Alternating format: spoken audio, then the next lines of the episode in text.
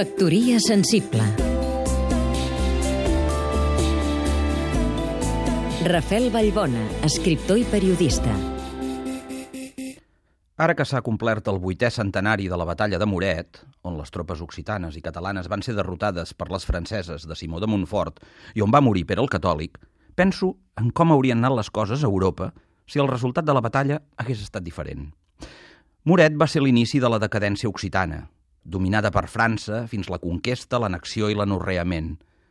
tot i que el concepte nació, tal i com l'entenem avui, no s'escau exactament per referir-nos a Occitània, sí que es pot dir que era el territori més poderós i important culturalment parlant de l'Europa de l'època i que s'estenia de l'Atlàntic al Piemont. Els francs, descendents d'aquells pobles guerrers del nord d'Europa, no van dubtar ni un moment a aniquilar aquella civilització literària i vital i imposar no només la llengua, l'organització política i els costums, sinó una manera de ser esquerpa i tibada que encara avui és ben present en molts caràcters. Pensava en tot això conduint de tornada de la Toscana, un país de gens majoritàriament amables, que malden per viure la vida de la millor manera possible i fer-ho extensiu als qui tenen al voltant,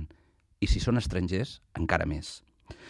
Per tot plegat estava de bon humor. Em quedaven força quilòmetres fins a casa, però la llum mediterrània endolcia el capvespre i jo em sentia feliç de formar part d'aquesta antiga civilització que corre de platja a platja fins que em vaig haver d'aturar en una àrea de servei prop d'Aís de Provença. Llavors vaig començar a pensar en tot això que us deia de la batalla de Moret. Factoria sensible